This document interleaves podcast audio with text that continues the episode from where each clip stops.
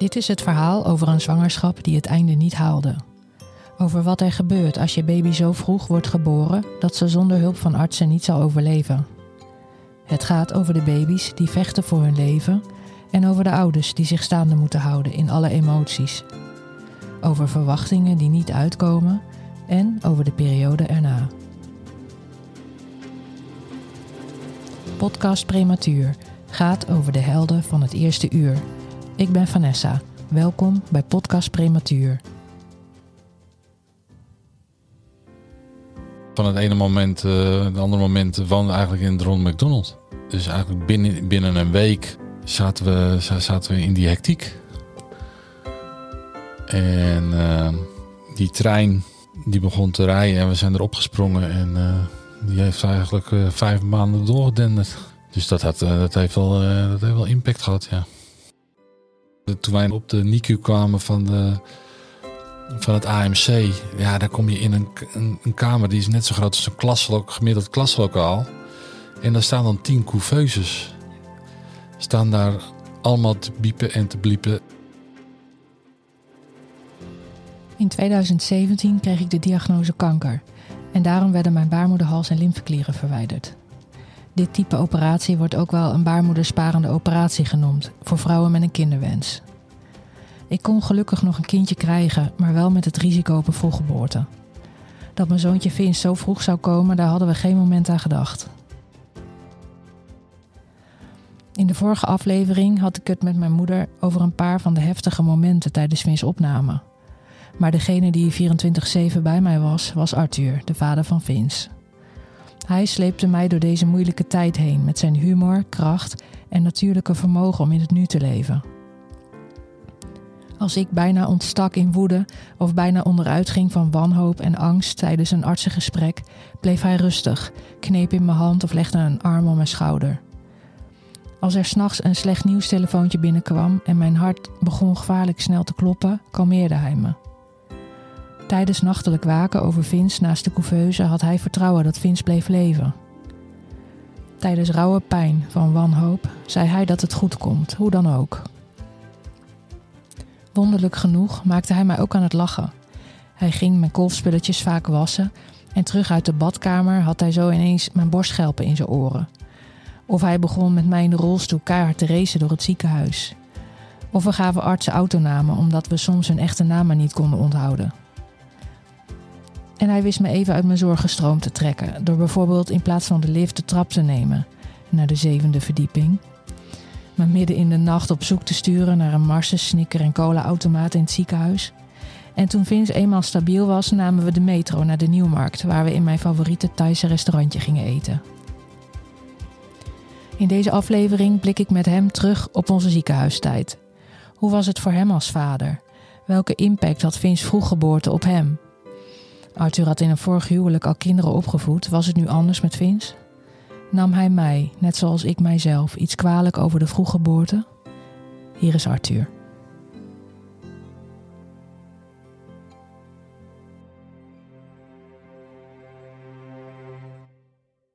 Hoe heb jij de ziekenhuistijd beleefd?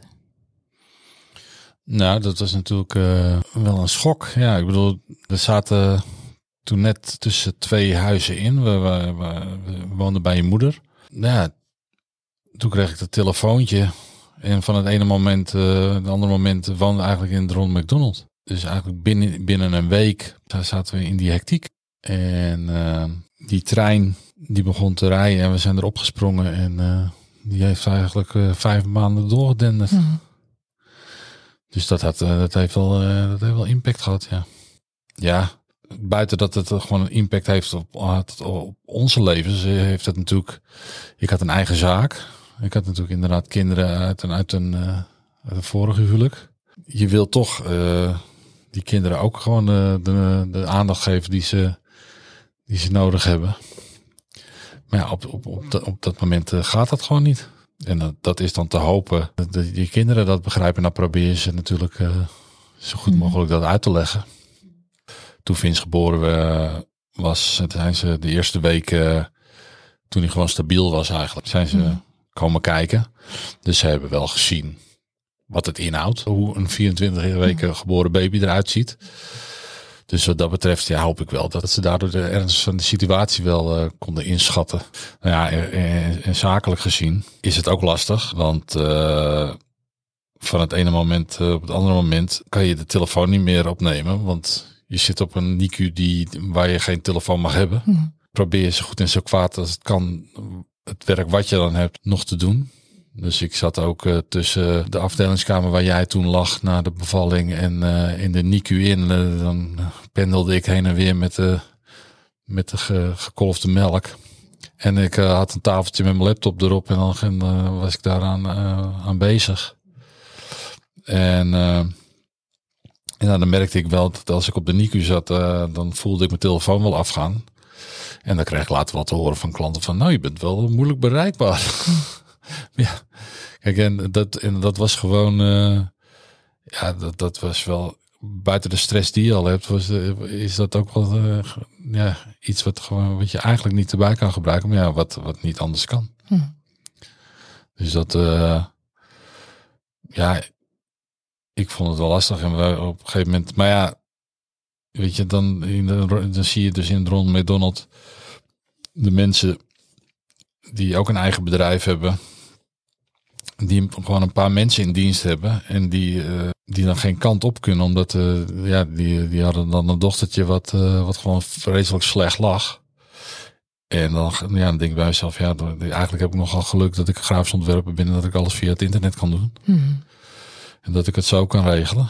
Dus ja, alles is relatief. En uiteindelijk in een latere, latere periode is het ook misschien wel mijn redding geweest. Dat ik dat moest werken.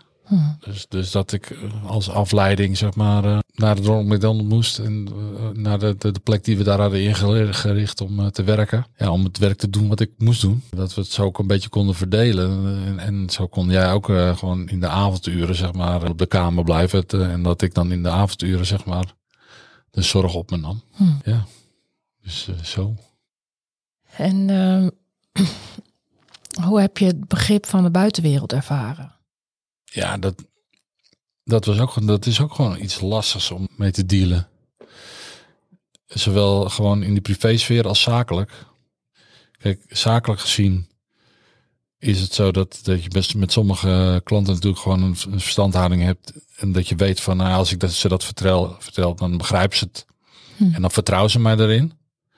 Maar je weet ook dat sommige klanten misschien dan uh, uit zullen wijken naar een andere. En die uh, zoiets hebben van nou, dan wil hem ook niet, uh, wil hem ook niet storen.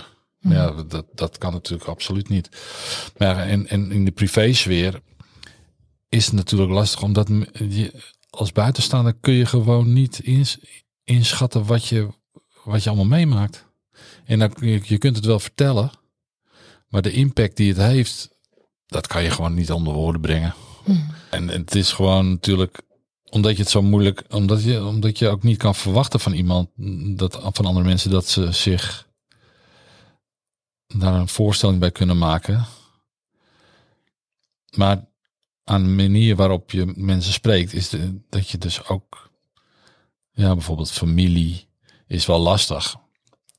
Want je hebt gewoon eigenlijk ook gewoon geen tijd om, om ze goed in te lichten. En dat verwachten ze wel van je. Hmm. En dan, uh, ja, ik maakte dan ook mee dat, dat je dan, dat het een soort verwijt werd. Waarom je dus niet, waarom, waarom uh, ja, dat er een reden achter zat, eigenlijk een reden achter zat dat je, dat je, dat ze niet geïnformeerd werden. Hmm. Ja, ik zei van ja, je kan je geen voorstelling maken wat voor uh, rare trein wij op gesprongen zijn. De, de, we hebben echt gewoon echt geen tijd. Nee. We hebben gewoon soms geen eens tijd om te eten. Je kan als je. Jij hebt dan een dagboek bijgehouden. Dus bij, en daarom kan je wel zien hoe, hek, hoe hectisch het soms was. Weet je, dat je soms wel eens drie artsengesprekken op een dag had. Hmm. En dan moest je, en dan had je een artsgesprek, moest jij kolven daarna. Dat je, weer, dat je weer een artsengesprek. Nou, dan eventjes snel naar Vins toe. Hmm. Nou, dan, uh, vaak, vaak moet je alweer kolven. Oh, oh, Na elke item moest ik kolven, kolven, kolven, kolven. Dus dat was wel, uh, ja. Dat is topsport. Ja. Eigenlijk fysiek en emotioneel. Ja. Het ging natuurlijk ook zo slecht met Vince dat het was eigenlijk slecht nieuws op slecht nieuwsgesprek. Ja. En ik bedoel, zeker, eh, artsen waren continu aanwezig. Dus, en elke keer als er een arts bij komt, dan, dan, dan, dan, dan is er iets aan de hand. Hè? Ja. En dan gaat die focus daar ook op liggen. En eh, dus ja, daar waren we even samen. Of dan stortte ik gewoon echt even in. En, ehm, en dan zaten, dan konden we natuurlijk eventjes buiten zitten in de tuin van het Ronald McDonald om even bij te komen. Of ehm, Ja. Even adem te halen eigenlijk. eh, voordat we weer eh, ons moesten buigen. Bijvoorbeeld over een volgende moeilijke beslissing. Ik bedoel, dat deden we ook hè. In de tijd eh, dat we niet fysiek bij Vin zaten. Gingen we ook wel eens gewoon googlen over Ja, je, bepaalde aandoeningen of oplossingen. Of, ja, je moet wel. mhm. Want, want ik bedoel, je, je wil toch begrijpen waar ze het over hebben. Mhm. En zo probeer je het wel uit te leggen. Maar je krijgt zoveel informatie dat dat kan je niet processen. Hm. Dus, dus dan, dan achteraf inderdaad, als je, als je klaar bent, als je een moment voor jezelf hebt, dan ga je daarmee bezig. En we hebben, zijn natuurlijk ook op een gegeven moment, zijn we second opinions gaan aanvragen. Nou, alleen daar al, Mhm. dat je, dat je daarmee bezig gaat, dat je naar andere ziekenhuizen gaat kijken, naar andere specialisten. Je gaat zelfs erin duiken. Of je wat in de literatuur kan vinden. Dus dat, dat zijn allemaal dingen ja, waarvan de buitenwacht helemaal geen, geen weten heeft. En, en je, kan, ja, je kan het ze ook niet kwalijk nemen. Ja, dat ze het niet, dat ze het niet kunnen begrijpen. Oh, jij zei eh, zoiets, hè? Van iedereen heeft wel eens een couveuse gezien. Een couveuse op aan zich. Ja, Weet je wel, dat is. Ik bedoel, ik had ook dat romantische beeld. Ik wist niks over wat het precies inhoudt, het vroeggeboren kindje. Ik wist alleen maar, nou, het vroeggeboren kindje gaat in de couveuse om warm te houden en punt. En dan groeit het en dan groeit het totdat het groot genoeg is om naar huis te gaan. ja dat, maar dat is dus het, bi- het bizarre. Iedereen heeft inderdaad wel eens een couveuse gezien. Maar ze zien niet waar wij in beland zijn. In, toen wij op de NICU kwamen van, de, van het AMC, ja, dan kom je in een, een, een kamer die is net zo groot als een klaslok, gemiddeld klaslokaal. En daar staan dan tien couveuses. Staan daar allemaal te biepen en te bliepen. En de, nou ja, een paar eh, op, eh, van pompende adem, eh, beademingsmachines. Mhm. En ja, dan, dan zit je, dat er is, waren gemiddeld zo'n acht, acht couveuse, couveuses bezet. Mhm. Nou ja, ga maar na. Dat zijn dus acht couveuse kindjes, maal één verpleegster, maal twee ouders. Mm, En dan waren we nog buiten coronatijd, dus je had toch ook nog de, de aanhang die af en toe meekwam, de Mhm. visite. Mhm. En dan nog de artsen. Weet je, wij, ik weet nog wel dat wij wel eens, we hebben wel eens gelopen tellen hoeveel verpleegkundigen wij wel niet hebben gehad. En we kwamen volgens mij op de 64. Ja, de Verschillende. NICU alleen. 64, 65, ja. Ja. En dan eh, tel daar nog bij op de medium care. Ja, En in totaal wel 130, 130. ja dus dan kun je nagaan hoeveel, ja, en dat in een tijdsbestek van vijf maanden. Dat tenminste vijf maanden. Ja, 62 in die drie Ja, maanden dat ja. hij dan daar lag Ja. beneden. Ja. Je zou ze eigenlijk liefst allemaal lang laten komen. Om te kijken hoe het is. Mhm. Want dan kunnen ze het misschien begrijpen. Maar ja, dat kan natuurlijk ook niet. Überhaupt heb gewoon, er is gewoon geen ruimte voor. Weet je, ik Maar denk de- dat er ook zoveel hectiek in ons hoofd werd veroorzaakt, omdat natuurlijk geen enkele dag gelijk is. Ik bedoel, alarmbellen gaan af. Ik bedoel, eh, dan, dan is er met dat kindje wat aan de hand, dan dat. Dan wordt de zaal afgesloten voor een steriele procedure. En, en nou, dan gaan daar weer schermen omheen. Of eh, bedoel, dan moest Vince hier een foto, daar een foto, daar een onderzoek. eh, dan lag hij slecht. Ehm, er was continu iets aan de hand. Ja, nou weet je, ik bedoel, weet je nog van dat, dat, dat kindje dat gewoon eh, met de ingewanden hadden ze, was buiten het lichaam. Weet je, dat zie je allemaal. Ja, er lag gewoon, er hing volgens mij een zak met, met, zijn, met de darmpjes. Hing Ja. gewoon boven, boven, Ja, boven moest tijdelijk, moest dat, moest dat, eh, zo was hij geboren en dat was, Mhm. hij wachtte eigenlijk op de operatie om Ja. het allemaal weer, maar ja, dat soort dingen hebben we bij ouders onderuit zien gaan. Ik bedoel, ja, Mhm. soms kwam je ook op de afdeling, was gewoon een kindje weg. Ja, Die was gewoon weg. En niet naar huis. Want, Nee. Ja, Hm. omdat je daar gewoon 24 uur eigenlijk bij wijze van spreken aanwezig bent. Omdat er natuurlijk zoveel couveuse bij elkaar zijn. Je ziet gewoon dat de dingen fout gaan. Je weet dus dat dat soort dingen dus ook met jouw kind kunnen gebeuren. Hm. En soms zijn het kleine foutjes, maar dat, dat kunnen dus ook grote fouten, fouten zijn. Ik bedoel, dat hebben wij zelf natuurlijk ook meegemaakt. Een verpleegkundige die, we- die, ja, die wegloopt. Dan met lunch en nog even snel eh, de, de pomp op hoog eh, niveau. Tot aan het infuus eh, komen. Mhm. Zodat ze na de pauze aan kon zetten. Dat even vergat. Waardoor Vince eh, binnen twee uur de, de hele voeding van, eh, van een hele ochtend eh, binnenkreeg. Of in, in een uur.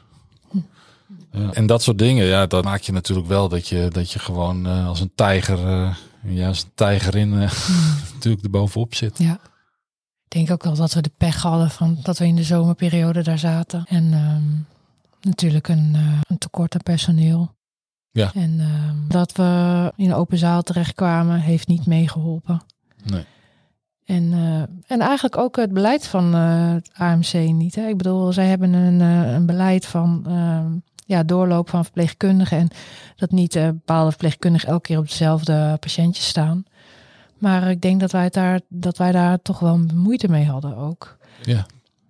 Omdat je natuurlijk elke keer met een ander te maken krijgt. En wie leert Vince nou echt heel erg goed kennen? Ja, en ze ze zeggen natuurlijk eh, dat wij alles moeten aangeven omdat wij Vince het beste kennen. Omdat wij de meeste tijd, maar uiteindelijk is het zo dat, dat, je, dat je toch elke keer daarop gewezen wordt dat je niet genoeg verstand van hebt eh, om je mee te bemoeien.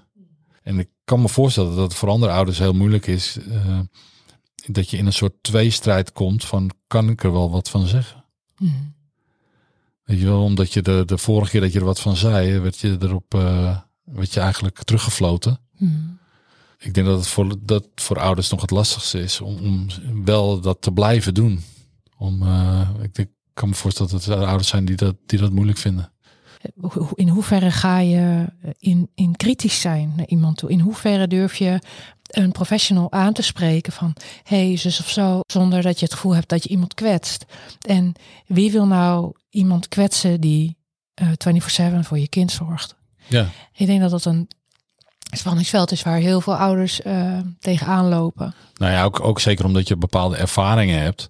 Omdat je ziet dat, dat die verpleegkundige Vins, in, in ons geval dan Vins, niet zo goed konden kennen. Omdat ze gewoon niet genoeg tijd met hem doorbrachten. Weet je, wij, wij hebben ook situaties meegemaakt inderdaad. Dat hij begon, op een gegeven moment begon hij heel raar te bewegen. Mhm, En toen zei hij van, nou, er is iets niet goed. je, Er, d- d- Klopt kan- niet. Dat klopt niet, dat klopt iets niet. Want zoiets dat doet hij nooit. Mhm. Dat, dat zei, ja, maar dat is een fase. Dat is, dat. En toen, een paar uur later, bleek dat hij gewoon... hij eh, heel erg ziek, hè? werd hij heel erg ziek, had hij een, een bacterie Ja. toch eh, te pakken. En eh, ja, en dat zijn, dat zijn de situaties waarin je gaat beseffen van, ja, we moeten er echt op zitten. Ik kan me ook wel voorstellen dat voor de verpleging het zo, zeg maar een soort sussende, ja, dat ze, dat ze willen dat je, dat je, dat je je geen zorgen maakt. En belangrijker nog, ik, ik denk zelfs dat het, dat het ligt aan het feit dat je gewoon vaak te horen krijgt van, ja, we weten niet waar het aan ligt. Vince is gewoon extreem prematuur. Dus we, we weten het niet. Dus ik, ik denk dat dat een van de redenen is waarom, waarom, eh, waarom je er als ouder ja, toch bovenop probeert te zitten. Ik denk dat die spanning op de NICU, dat dat, dat wel heeft bijgedragen aan, ehm, de, de continue aanwezigheid van angst. Bij mij. En niet alleen maar angst voor de medische situatie van Vin zelf, maar ook de angst dat er wat misging. Ehm, en nou, hoe was dat voor jou? Ja, toen Vince zeg maar via de keizersnee dan ge- gehaald werd en, en eh, wat er buiten protocol om nog deden, dat we, zo, dat we hem nog even mochten zien. Hmm. Dat we hem omhoog hielden en ik zag hem. En eh, ja, daar was natuurlijk eh, 680 gram. En, maar ja, zelfs toen had ik zoiets van, nou ja, hij is geboren, dus, eh, dus en hij werd er eigenlijk gelijk eh, dan in de, in de couveuse gelegd. Hm. En iedereen ging er heel eigenlijk heel relaxed mee om. Hm. En ook alle, alle, alle specialisten die eromheen stonden. En op een gegeven moment, ja, werd, kreeg de, kwam die reanimatie. Ja, zelfs toen, toen, toen hij daar doorheen was en ik zag dat hij dat, hij dat had overleefd. Ja, toen kreeg ik, toen kreeg ik gewoon, uh, gewoon vertrouwen in hem. Hm. En, en Dus eigenlijk heb je niet zo erge angst gehad als ik. nee, nee. Ik heb eigenlijk geen één moment gedacht ehm, dat het mis kon gaan. En, en ehm,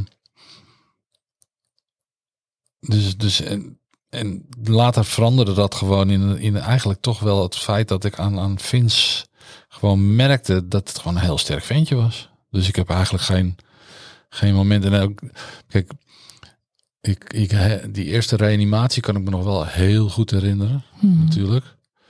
En eh, want ik, toen was ik ook net na mijn kinderen geweest. Ik, ik was, ik reed op de A9. Ik was denk ik nog tien minuten van, eh, van het ziekenhuis verwijderd. Het was rond een uur of negen of zo, half tien was dat. Hm. Dus, eh, en toen kreeg ik dat telefoontje. En toen heb ik, eh, als een gek, heb ik eh het laatste stuk gereden. En ze waren dus, toen ik binnenkwam, waren ze dus nog aan het reanimeren. En ja, en dat, dat was wel, er staat je wereld gewoon stil op dat moment. En het lijkt wel of iedereen, lijkt- iedereen is druk bezig, maar het lijkt alsof iedereen zijn adem inhoudt. Hm. Zo, zo voelt het eigenlijk. En dan eh, tot het moment dat hij dan weer gaat ademen. Hm. En, eh, maar eigenlijk na die, toen hij dat over had overleefd, toen, had ik echt zoiets van, nou, als hij dit overleeft, Hm. dan moet hij alles overleven. En, en dat is eigenlijk die, die, dat vertrouwen is eigenlijk nooit weggegaan. Hm. Mooi. Dus het was. Dus het is zelfs al zag je, weet je wel, de, die momenten dat hij dan helemaal grijs zag van ellende, Hm. letterlijk en figuurlijk. Ja. Dan zelfs dan nog had ik van, ja, ja dan krijgt hij antibiotica en, en dan komt het weer goed. Hm. En dat was ook zo. Hm. Hij loste het altijd zelf op. Echt dat die arts ook zat te kijken van, nou, hoe kan het? Weet je wel? Ja. Dus het, eh, Ja, want ze zijn er toch een paar keer bijgehaald. ja.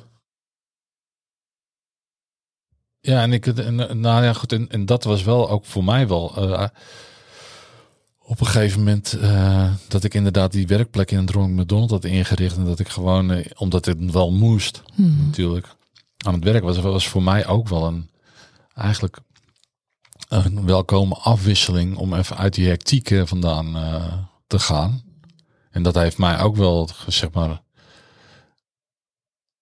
ja, gered op, in die manier. Dat, het, dat, het, dat, je, als, dat je er even uit kan stappen. En, en wij wisselden dat eigenlijk af hè, toen op dat moment. Ik pakte dan de avonduren, zeg maar. Hm. Dus dan deed ik de avondverzorging en dan of vanaf na het eten eigenlijk. Hè? En dan tot een uur of twaalf, zoiets. Maar ja, er waren genoeg momenten dat we zelfs nog geen nachtrust hadden. Omdat er dan eh, een nieuwe infuuslijn aangelegd moest worden of iets. Of, of er was toch plotseling eh, weer eh, een bacterie of een Ja. geconstateerd. Dat ze toch zagen dat hij weer achteruit ging. En, of dat het zuurstofgehalte weer te lager werd. Dat hij het weer, dat hij weer aan de beademing moest. Hoe vond je het eh, om in het Ronald McDonald te wonen? Nou, het is een, Ronald McDonald is natuurlijk een geweldige plek. Dat het er is. Hm. Want zonder, ik zou niet weten hoe we dat hadden moeten doen zonder de Ronald McDonald. Nou ja, letterlijk met haast in de benen waren we wel met acht minuten op de afdeling. Ja. Ja. Ja, dat was ons niet gelukt anderszins. Nee, zeker niet. Dan hadden we, dan, dan- ja, we moesten sowieso een half uur rijden voordat we überhaupt bij het ziekenhuis waren. Hm. Dus dat is gewoon, dat, dat, had, dat had nooit gekund. Dat had nooit gekund. Dus, dus, dus Nee. dit, dit is gewoon perfect. Kijk, het enige, het enige wat je daar hebt is, wat aan de ene kant ook wel lekker is, dat je met eigenlijk 80% van de ouders die daar zitten, die hebben, hebben of een kind op de NICU of, of, of een kind met een ander probleem. Dus je zit met gelijkgestemden. Mhm. En dat is, als je daar een korte tijd verblijft, is dat op zich eh, is dat fijn, omdat je dan ook eh, een soort klankbord hebt. Alleen, hoe langer je er zit, begint het ook weer tegen je te werken, omdat je zoveel mensen voorbij ziet komen. En bij heel veel mensen eh, loopt het ook niet goed af. En dat maak je dus ook allemaal mee. En dat, en ja, dat is op een gegeven moment, ja, als je, als je wat verder in de tijd komt en je, dan raakt de vermoeidheid, gaat parten spelen. Dus dan, ja, dan heb je zelf ook minder ruimte om, eh, om verhalen te ontvangen. Dus en dan wordt het wel, vind, vond ik het wel lastig af en toe. Terwijl het jou nog wel redelijk afging. Ja. Dat is echt wel een verschil geweest tussen ons, hè? Mhm. Ik weet niet of dat wat ermee te maken heeft, of gewoon ons karakter, of eh, dat je inderdaad wat afleiding vond in je werk en ik echt nergens anders mee bezig was dan hem te proberen te redden. Op dat moment waren de feiten zo hard. Hij lag daar gewoon. Elk moment. Ik bedoel, hij lag, ik weet niet hoe lang op het randje van. En elk moment kon het slechte nieuws komen. En ik was zo gestrest en zo on edge en zo bang. Eigenlijk kon ik er gewoon echt niks bij hebben. Ik kon mensen gewoon niet eens meer aankijken. Zo, ik voelde dat leed. En dan bedoel, we hebben letterlijk, hoor je gewoon eh, eh, een oerschreeuw van een moeder omdat ze net telefoon heeft gekregen dat, dat de kindje het niet gaat redden. Ja. Het was bijna dat je daaraan kapot gaat, weet je wel. En ik zie het aan je dat het jou ook raakte. En niks ten nadele van het Ronald McDonald natuurlijk. Want inderdaad, zonder die plek, ik bedoel, wat hadden we in godsnaam gedaan? Maar Maar dat, eh, kijk, aan de ene kant is Ronald McDonald er wel op ingericht. Omdat ze hebben natuurlijk een prachtige tuin. En we hadden wel, wel het geluk dat we, dat we gig- gigantisch mooi weer hadden. Hmm. Een van de heetste zomers ooit. ja, Dus eh, dat, was op, zitten. dat was buiten bij Ronald McDonald was dat wel fijn. Dus, dus je kon wel als je wilde, door het mooie weer, kon je wel, als je, als je echt eh, met niemand wat te maken wil hebben, dan kon je wel een plekje opzoeken. Dat je even kon, eh, alleen kon zijn. Alleen, eh, ja. Maar goed, dat, dat, dat, relativeerde ook wel weer. Hè? Dus als je inderdaad, die ouders waren, waar een kindje op een gegeven moment gewoon een genetische afwijking had, waardoor het gewoon niet meer goed kwam. Ja, en dan eigenlijk dan telde je eigen zegeningen. Mhm. En ja, de- nou ja, goed, het Ronald McDonald. eh, ik zou zeggen, aan iedereen, eh, als je ergens geld aan wil geven, dan eh, is dat ook een hele goeie. Ja, nou ja, dat het heel emotioneel was, dat, daar we het niet echt meer over te hebben. Maar. Vince heeft het gered en die artsen, ja, die hebben natuurlijk alles uit de kast getrokken voor hem. Maar het is wel jammer dat er confrontaties zijn geweest met verpleegkundigen. Het is ook zo dubbel, hè? Want aan de ene kant, Zeker. want aan de ene kant eh, ben je zo blij dat ze er zijn. Mhm. Omdat eh, anders had hij natuurlijk nooit gered. Mhm. Alleen omdat je daar gewoon eigenlijk langer bent als, als, als de arts en als de verpleegkundige zelf, Mhm. eh, heb je veel meer overzicht eigenlijk. En je bent natuurlijk ook alleen gefocust op je eigen kind. En als je die op een gegeven moment leert die monitoren te lezen. Mhm. Ja, wij hebben natuurlijk wel eens conflicten gehad omdat wij een andere mening hadden daarover. Mhm. Weet je, dat, ze, dat wij daar. En in het begin ben je natuurlijk super alert, omdat je niet, ja, je hebt natuurlijk bijvoorbeeld een reanimatie meegemaakt, dus dat wil je niet nog een keer meemaken. Mhm. En als er dan een verpleegster eh, jouw inziens niet snel genoeg reageert op een dalende zuurstofgehalte in het bloed, omdat je bij de eerdere keer zag dat het daar verkeerd ging, Mhm. ja, dan, dan, wordt, dan, dan slaan de stoppen gewoon door. En dat is denk ik ook wel lastig voor de, voor de verple- verplegers om daar eh, mee te dealen. En dat vond ik ook wel, een merendeel ging daar goed mee om. Maar er, zijn, er waren toch ook een paar die daar niet mee konden dealen. Mhm. Dus eh, de, en, eh, dat, was, dat zijn- waren wel hele lastige situaties. Ik denk dat al onze problemen ik denk dat ze, ik denk dat ze in, in het heel klein zijn samen te vatten. Ik denk dat het ermee te maken heeft waar we het net over hadden, over het begrip in de buitenwereld. Dat hoe moeilijk het voor onszelf is om over te brengen hoe het nou echt is. En daarnaast hadden wij de pech dat we midden in de zomer zaten. Midden in een eh, crisis in die zin dat er een tekort is aan uh, verpleegkundigen, medisch personeel in het algemeen. En dan hebben we het nog niet over uh, dat hij op een zaal lag. En ik denk dat, nou, ik denk dat, dat, ze, dat inmiddels al weten, omdat ze bezig zijn met de bouw van uh, aparte kamers. Zo'n indeling qua NICU. Maar ik bedoel, een, gebrek aan privacy. Je, ik ben net bevallen met een spoedkeizersnee, 24 weken. Ik ben totaal in shock. Ik heb lichamelijk heel veel pijn verdriet. Noem alle emoties maar op die je kan voorstellen. En vervolgens word je op een zaal gezet met al die andere alarmbellen, met al die andere ouders en de verpleegkundigen, de ogen continu in je rug. Nou, laten we zeggen, een totaal gebrek aan privacy. Mm-hmm. En dan wil je buidelen en dan word je op een tuinstoel neergezet. Ik bedoel, het zijn allemaal niet ideale omstandigheden. En dan heb ik nog niet over het belang van het kind. Hè. Ik bedoel, uh, als we het hebben over dat we een baarmoeder moeten nabootsen. Uh, ja, uh, hoe kan je dat verklaren met zoveel andere alarmbellen van alle, al die andere kinderen om je heen? Ik bedoel, ja. Dus het is denk ik een hele, hele goede zet. Wat er nu, dat ze nu aan het verbouwen zijn. En dat het allemaal ja, dat aparte kamers worden. Kijk, dat hebben wij natuurlijk ook ervaren met de afdeling A7. Ja, tuurlijk toen hij naar de medium care ging. Die medium care, ja, dat is natuurlijk echt een wereld van verschil. Het is gewoon, uh, de, toen wisten we eigenlijk hoe onmenselijk de NICU was. Ja. Verademing was het daar, hè? Ja.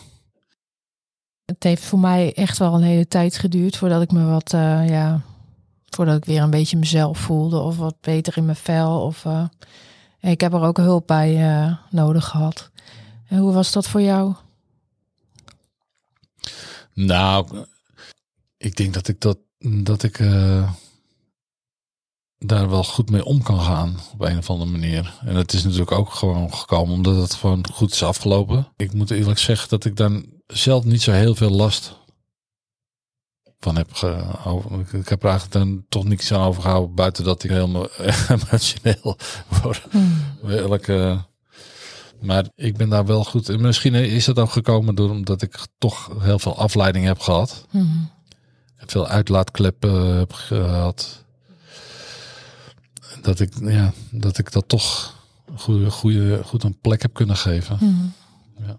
Artsen zeggen wel dat ze niet. Ze, kunnen, dat ze willen nooit zeker zeggen wat er nou de oorzaak was van de vroege geboorte. Maar ik bedoel, wij durven wel met 98% zekerheid te zeggen dat het echt wel komt door door mijn operatie. Omdat ze daarmee ook het risico hadden vrijgegeven op een vroege geboorte. En ik ben natuurlijk niet verstandig geweest. Ik heb natuurlijk niet de voorgeschreven ja, hersteltijd in acht genomen. Mm. Ja, neem jij mij daar iets van kwalijk? Nee, natuurlijk niet. Dat kan ook niet. We zijn er samen, we hebben die beslissing samen, samen genomen. Hmm. Dus en ik, en ik snap, kijk, voor jou, omdat je natuurlijk uh, die kanker had gehad, kon ik ook heel goed uh, mij in jou verplaatsen. Hmm. Jij was gewoon bang dat je dat het dat, dat het terug zou komen en, dat ze toch de hele baarmoeder uh, zouden moeten verwijderen en dat hmm. je gewoon geen kinderen meer kan krijgen. Nee, goed, we hebben echt samen die beslissing genomen om, om daarvoor te gaan. En uh, ik kon dat wel begrijpen. Ja. Weet je, maar ik denk dat er meer moeite was gedaan om me ervan te doordringen. Zeg maar, uh, het belang van de hersteltijd van een jaar na zo'n soort operatie. En, maar ook mij bewust te laten worden van wat de vroeggeboorte inhoudt. Want 24 weken, ik bedoel, het percentage is natuurlijk heel klein, de kans daarop. Maar de kans is er. De kans is groter dat je ja, je kindje gewoon niet meer mee naar huis gaat. Zo is het gewoon. Maar zelfs als, als, ik, als, als ik in die groep was gevallen van 32 weken, um, zelfs daar kan nog van alles misgaan. Daar mist gewoon een stuk kennis van, bewustzijn en bewustmaking van wat een vroeggeboorte inhoudt. Mhm. Weet je, kanker hebben is één ding, maar een te vroeg geboren kindje krijgen is er ook één. Mhm. Eh, voor jezelf, maar vooral voor je kind. Als ik me dit had gerealiseerd, had ik dat jaar herstel genomen. Dat niet alleen. Ik denk dat ik gewoon mezelf heel erg extra fit had gemaakt. Echt qua beweging. En dan had ik me echt aan een streng dieet gehouden. Alles eten wat goed voor me is. En Ja, ik denk wel dat het gezegd is, maar tussen een beetje tussen neus en lippen door. ja, Ja, en dat blijft dan niet hangen, want je bent al in zo'n in paniekstand. Oh, ja, dan dat- wil je alleen maar één ding. Dat ze je zo Ja. snel mogelijk opereren. ja, en dat je blijft leven, toch? Ja. Ja, dus dan heb je helemaal geen oog eh, of oor voor wat, ook, wat ze dan ook zeggen. Dan zit je ook al in de overlevingsstand natuurlijk. Hm. Dus, eh, en dus achteraf moet dat gewoon eigenlijk veel beter. En nou even iets anders. Hè. Je hebt natuurlijk gewoon voldragen kinderen, eh, zeg maar, al opgevoed, een eind. En nou heb je Vince. En wat voel je een verschil? Ik bedoel, omdat Vince dan zo vroeg kwam. En een beetje een zorgenkindje is. Is er een verschil in opvoeding? Nou ja, er is natuurlijk een verschil in vertrouwen, zeg maar. Als je een kind van normale eh, gewicht hebt, want dat is natuurlijk wat, wat eh, waar Vince altijd mee struggelde, is, is dat gewicht. Hm. Als die een keer verkouden wordt, dan zit je daar helemaal niet eh, over in. Hm. En bij, eh, ja, zoals bij Vince is dat natuurlijk wel het geval. Ook omdat hij natuurlijk eh, heel lang aan die beademing heeft gelegen. En ze niet weten eh, of hij daar überhaupt eh, natuurlijk schade aan heeft eh, overgehouden. Dus in, in die zin is dat wel anders. Alleen nu, nu hij is nu natuurlijk eh, ja, twee, net even ouder als twee. Hm. Dus is dat wel weg. Dat, ik heb dat niet meer dat overdreven zorgen maken. Hm. Dat, er, dat er misschien iets aan de hand zou zijn. In die zin eh, is er eigenlijk geen, geen verschil. Wat wel zo is, maar dat, dat is ook meer waar je er tegenaan, samen tegenaan kijken, is zijn ontwikkeling eh, loopt hij natuurlijk wel wat achter. En ondanks dat we geen indicatie hebben dat hij daar wat aan over heeft gehouden aan die hele periode, is, is het zo dat, eh, dat jij je wel altijd zorgen maakt of het wel goed gaat komen. Maar goed, nou, ik denk dat jij nu ook zover bent dat jij ook wel denkt, weet van, hij gaat alles gewoon doen zoals normaal geboren kind op een die normale tijd eh, zeg maar geboren is. Dat vertrouwen heb ik ook wel gekregen. Het heeft eventjes geduurd. Maar inderdaad, het is er wel. Hij doet het gewoon. En, maar het is wat, zeg maar, onze vriendin tegen ons zei. Hij zal het allemaal doen, maar net op zijn eigen manier. Hey, en tot slot, wat zou jij ouders van prematuren willen meegeven? Ehm, dat ondanks dat het lastig is om te genieten, dat je toch moet kijken of je wel kan genieten. Want de periode dat, die, dat, dat je kind een baby is, dat is er maar één. En daarna is, dan wordt het een, een peuter. Dus ik zou zeggen, ondanks dat het heel moeilijk is, probeer dat gewoon. Hm. Ga ervan uit dat je kind echt, dat, het, dat ze gewoon sterk zijn. Dat ze heel veel kunnen hebben. Als je kindje op de NICU terechtkomt, wordt het ziekenhuis voorlopig je nieuwe wereld. Communiceren doe je voornamelijk met degene die voor je kind zorgen. Als ouders word je overal bij betrokken en word je gevraagd mee te denken en input te geven. Maar ook weer niet te veel, want ze willen wel hun werk kunnen doen. Dan kan wrijving ontstaan. En de kunst is dan om je kritisch te kunnen uiten. De ene ouder doet dat makkelijker dan de ander. De een zal zich afvragen wat je als niet-medisch geschoolde leek kan bijdragen en zal zich op de achtergrond houden. Een ander kan zich gewoonweg niet inhouden en zal zijn stem laten horen. Maar hoe je ook in elkaar zit, je zal er samen doorheen moeten. Jij met de artsen en verpleegkundigen, maar zij ook met jou. In ons geval ging dat soms stroef. En dat had alles te maken met het open zaalconcept van de NICU. Een intensive care voor de allerkwetsbaren in een open zaalvorm is echt niet meer van deze tijd. Gelukkig is in Amsterdam de bouw van een nieuwe NICU met aparte kamers een feit. Met het oog op de belangen van rust en ruimte voor zowel de prematuren als de ouders is te hopen dat de overige zes ziekenhuizen met de NICU Amsterdams voorbeeld gaan volgen. Naast de medische aspecten is er de praktische kant. Het leven buiten het ziekenhuis gaat gewoon door. Je werk, je hebt verplichtingen ten opzichte van je baas of ten opzichte van je klanten als je een eigen zaak hebt. Financiën, rekeningen moeten betaald blijven worden. Eventuele andere kinderen in het gezin worden ze opgevangen door familie of pendel je heen en weer tussen hen en het ziekenhuis. Je relatie met familie en vrienden begrijpt iedereen even goed wat er precies aan de hand is, wat een onzekere tijd het is. waarom je niet wil praten, geen tijd hebt, doodmoe bent. En dan de relatie tussen de ouders onderling. Menig stel gaat uit elkaar door de enorme druk van een stressvolle ziekenhuisperiode. Je hoopt als ouders natuurlijk dat je elkaar aanvult, elkaar kan opvangen en samen tot beslissingen kan komen die je kind aangaan, maar soms is de liefde niet sterk genoeg. Maar als je er wel samen doorheen komt, maakt dat je band sterker en lijken tegenslagen die in de loop der tijd volgen slechts verkeersdrempels.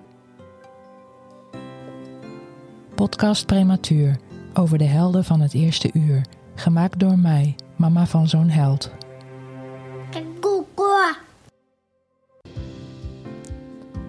Podcast Prematuur is gemaakt in samenwerking met de Podcastcentrale in Alkmaar.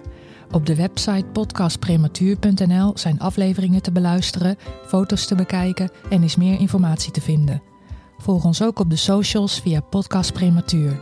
Ik zou heel graag van jullie horen.